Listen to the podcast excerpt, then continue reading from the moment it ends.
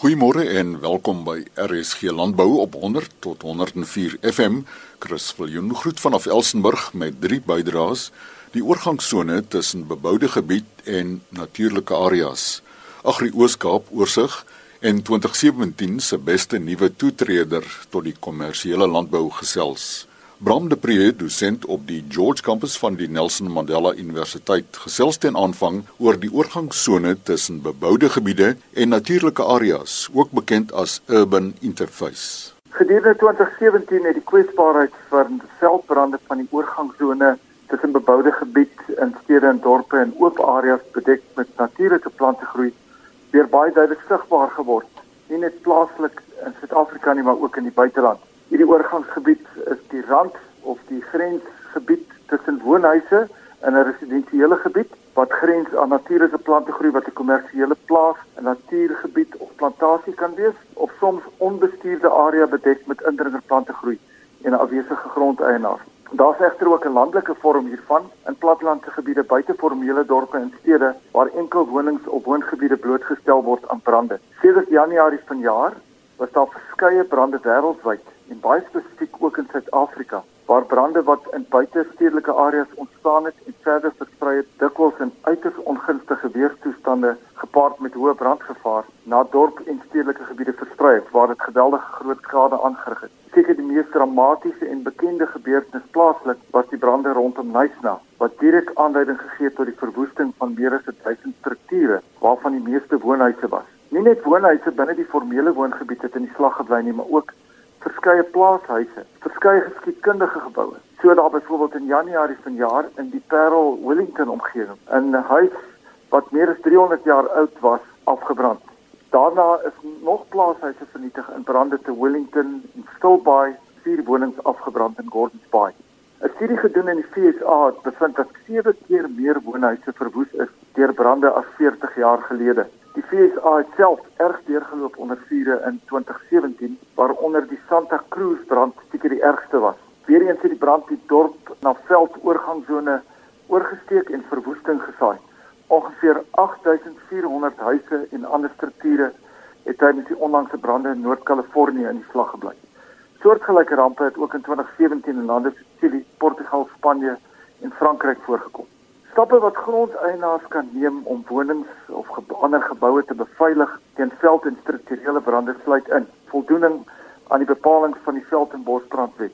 Dan 'n risiko-identifikasie en regstellende stappe om hoogste risiko's aan te spreek, gebeurlikheidsbeplanning, veilige afstande en skoon sones rondom woonhuise, gebruik van minder kwesbare dakstrukture, boumateriaal en boumetodes veilige praktyke met betrekking tot die gebruik van gas, elektrisiteit en oopvure wat vir energiedoeleindes gebruik word, verwydering van plante groei en ander brandbare materiaal direk aangrensend aan huise en ander strukture, die vermindering van brandstoflading deur byvoorbeeld beheerde brande wat goed beplan word en met die nodige goedkeurings geskied, beskikbaarheid van brandblussers en brandbestrydingsgereedskap, opleiding vir basiese brandblusoperasies, bewusmakingsprogramme en laastens ontruimingsplanne.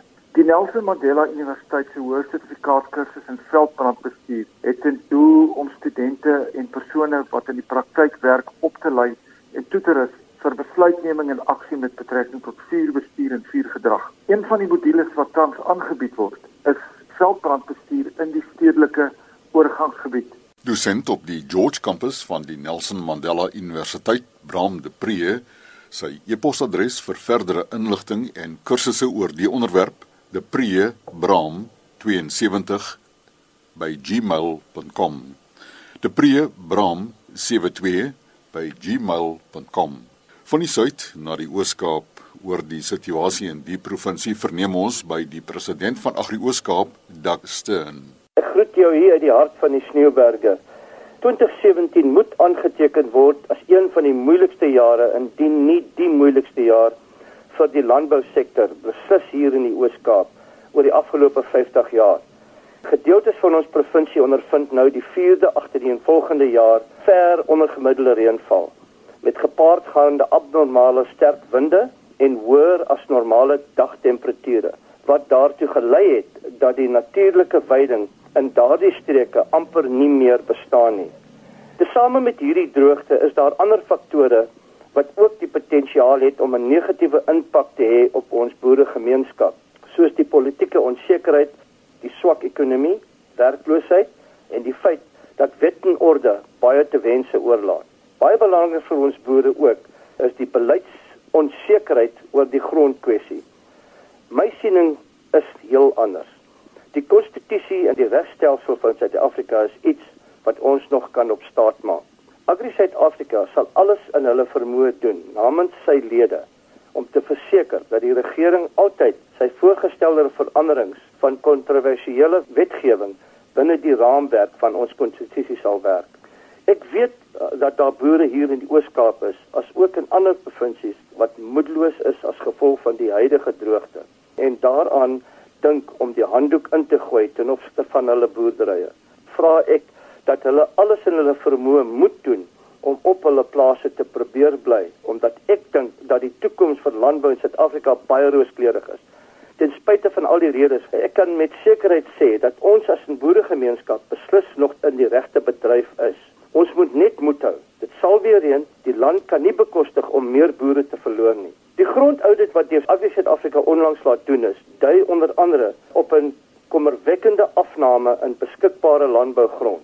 Hierdie tendens sal waarskynlik voortduur. Dit beteken daar is minder landbougrond om vir 'n vinnige groeiende, hoogs verstedelike bevolking kos te kan produseer.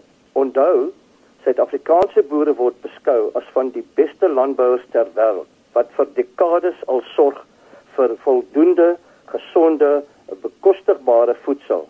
En wie wat ons is hierdie boere. Landbou in Suid-Afrika bly 'n goeie belegging omrede verstedeliking wêreldwyd en inderdaad hier in Suid-Afrika vind plaas teen 'n versnellende tempo.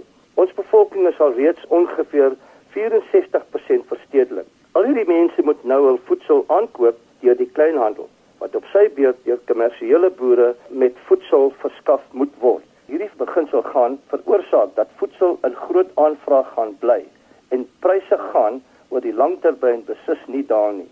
Ons het alreeds hierdie stygende tendens met ons vleispryse ondervind as gevolg van die heersende droogte. Na die droogte gaan die boere moet meer diere terughou met die doel om hul kuddegetalle weer op te bou wat 'n verdere tekort in die vleismark kan veroorsaak wat op sy beurt die potensiaal het om pryse verder te laat styg. Daar kan en gaan seker verbruiker weerstand gebied word, maar die wet van vraag en aanbod sal altyd ter sprake wees. Daar is groot uitdagings in die Suid-Afrikaanse landbousektor, spesifiek vir ons jonger geslag. Suid-Afrika 'n moderne, geïndustriële land met toegang tot die modernste tegnologie. Tog is ons steeds 'n land wat besig is om te ontwikkel, wat verskillende geleenthede aanbied, tesame met ander voordele wat gepaard gaan met ontwikkeling. Dit kan toegeskryf word aan moderne tegnologie Ons jong boere moet hierdie geleentheid nie miskyk nie. Ek dink daar is beslis 'n rooskleurige toekoms vir beleggings in landbou hier in Suid-Afrika. Dit ten spyte van al wat die politici probeer doen. Ons voedselsekerheid moet ten alle tye gehandhaaf word. Dit is 'n feit dat landbou die ekonomiese ruggraat van al ons plattelandse gemeenskappe is. Landbou in ons plattelandgebiede was nog altyd oor die afgelope 200 jaar en langer volhoubaar en betroubaar. Terselfdertyd is landbou verantwoordelik vir die indiensneming van meeste arbeid, baie van wie ongeskoold is in hierdie plattelandse gebiede. Ongelukkig is arbeid in Suid-Afrika heeltemal oorgereguleer met die gevolg dat die werklose syfer in Suid-Afrika bly styg. Op die impak wat die voorgestelde nasionale minimumloon op landbou gaan hê, is 'n bron van groot kommer. Omrede daar meer mense gaan wees wat uiteindelik hulle werk kan verloor wat 'n verdere las gaan plaas op die staat wat alreeds sit met 17 miljoen mense waarvoor hulle moet versorg. Dis wil ek net graag van hierdie geleentheid gebruik maak om al my medeboere 'n geseënde Kersfees toe te wens. Die president van Agri Ooskaap, Doug Stern, Warnbom is aangewys as 2017 se beste nuwe toetreder tot kommersiële landbou. Naby Saron is hy onder meer mede-eienaar van Wesland Boerdery saam met Wessel van die kerk. Alles wat ons doen in die landbou is maar net 'n logiese uh gevolge van goed. Jy doen nie een ding en dan volg jy ander ding voor daarop en so gaan dit aan. En so het ek nou aangegaan en na 2 jaar toe met Wessel se broer die plaas verkoop En uh, toe raak ek betrokke in die bemagtigingsprojek of grondhervormingsprojek. Nou ja, ek was seker so 'n hele 10 jaar betrokke in dit en toe het ek nou hierna 8 jaar omtrent gevoel. Die plaas waar ek betrokke is, raak te klein vir my. Ek het net te veel mense aan wie ek moet rapporteer as 'n besluit geneem moet word en baie keer het die situasie vereis dat die besluit onmiddellik geneem moet word. Maar nou moet ons hoeveel mense raadpleeg voor ons die besluit kan neem of implementeer as gevolg van die aandelehouding van die swart bemagtigingsgroep sowel as die vernoot en om dit nog erger te die vernoot het in Engeland gesit. En ek het dit gevoel die plaas of die bedryf, die besigheid raak net te veel vir my. En toe ek nou maar in 2013 het ek uitbeweeg in my nie eintlik uitbeweeg nie, ek het so oor die draad geboor.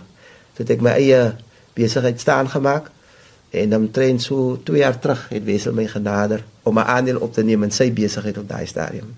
Wat maak die gebied so spesiaal? Die klimaat leen hom uitstekend daartoe.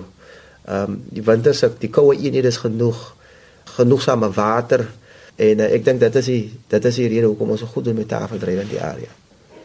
Ek is fanaties om altyd uit te vind oor nie, nuwe kultivars. Ek het 'n baie goeie verhouding met al die teelprogramme in Suid-Afrika wat tans opereer hierso. En uit die teelprogramme sal ons dan nou ons seleksies maak. Ek sal altyd met Wessel bespreek. Eh, ons sal byvoorbeeld sê ons verhouding van wit druiwe tot swart en rooi um, is miskien 'n bietjie uit. So dan sal ons die volgende vraag vra waar as die pieke in ons pakstoor wat ons wil vermy en as die piek nou kom ons sê is in jou week 4, 6 area of week 2 tot 6 area dan sal ons vir mekaar sê dat ons 'n vroeë wit nodig of 'n laat wit om die pieke te vermy. En dan sal ons nou eh, na die teelprogramme kyk waar die teelpro onderskeie teelprogramme bied en op grond daarvan sal ons dan nou 'n besluit ehm um, formuleer en sodoende ook implementeer. Dit is maar wat hoe ek op hoogte bly. Uh soos ek sê die verhouding met jou teelprogramme is vir kardinale waarde. Jy moet weet uh, baie keer die kultivar se naam het dit 'n nommer, maar dan sal hulle vir jou sê Daar's 'n kultivar wat gaan uitkom. Hy sit nog in kwarantyne. Hy lyk baie belovend. Sy nommer is XYZ of wat ook al. En dan sal ek 'n nota daarvan maak met hom bespreek en dan sal ons die vordering van die kultivar kyk. Uh, as hy nou semi-kommersieel aangeplan word en so meer. En op grond daarvan neem ons dan 'n besluit. Kommunikasie tussen vennootskappe is van kardinale belang. As dit ontbreek, dan val die hele ding uitmekaar uit. Maar wat ek net wil sê as ons kom by 'n besluitneming waar ons moet saamstem of nie saamstem nie.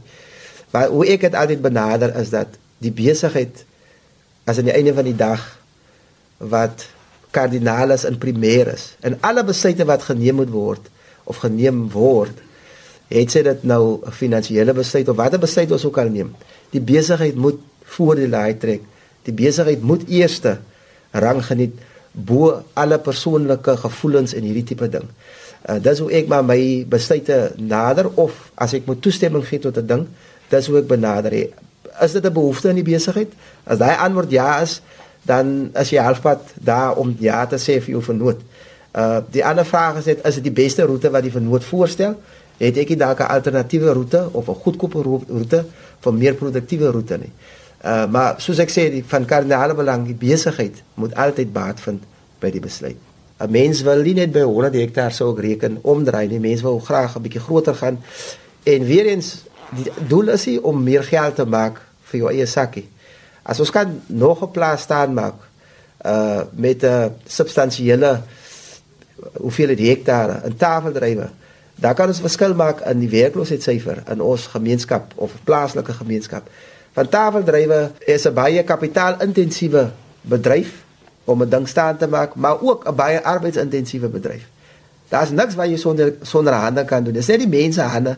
Ons kan nie oes met 'n masjien en tafeldrywe nie. Baie geluk met die toekenning Warren Bam 2017 se beste nuwe toetreder tot kommersiële landbou. Ons gelukwense ook aan vanjaar se nasionale boer van die jaar, Charles Beck van die Parel dan môreoggend om kort voor 12 in RSG Landbou rentmeesterskap. Dit is 'n term om grondeienaars eienaarskap en goeie bestuur van die grond wat hulle mee toevertrou is, erkenning te gee. En so die program is rondom dit ontwerp om die grondeienaar in staat te stel om sy grond wettige beskerming te gee teen byvoorbeeld ongewenste aktiwiteite soos mynery, um, hidroliese breking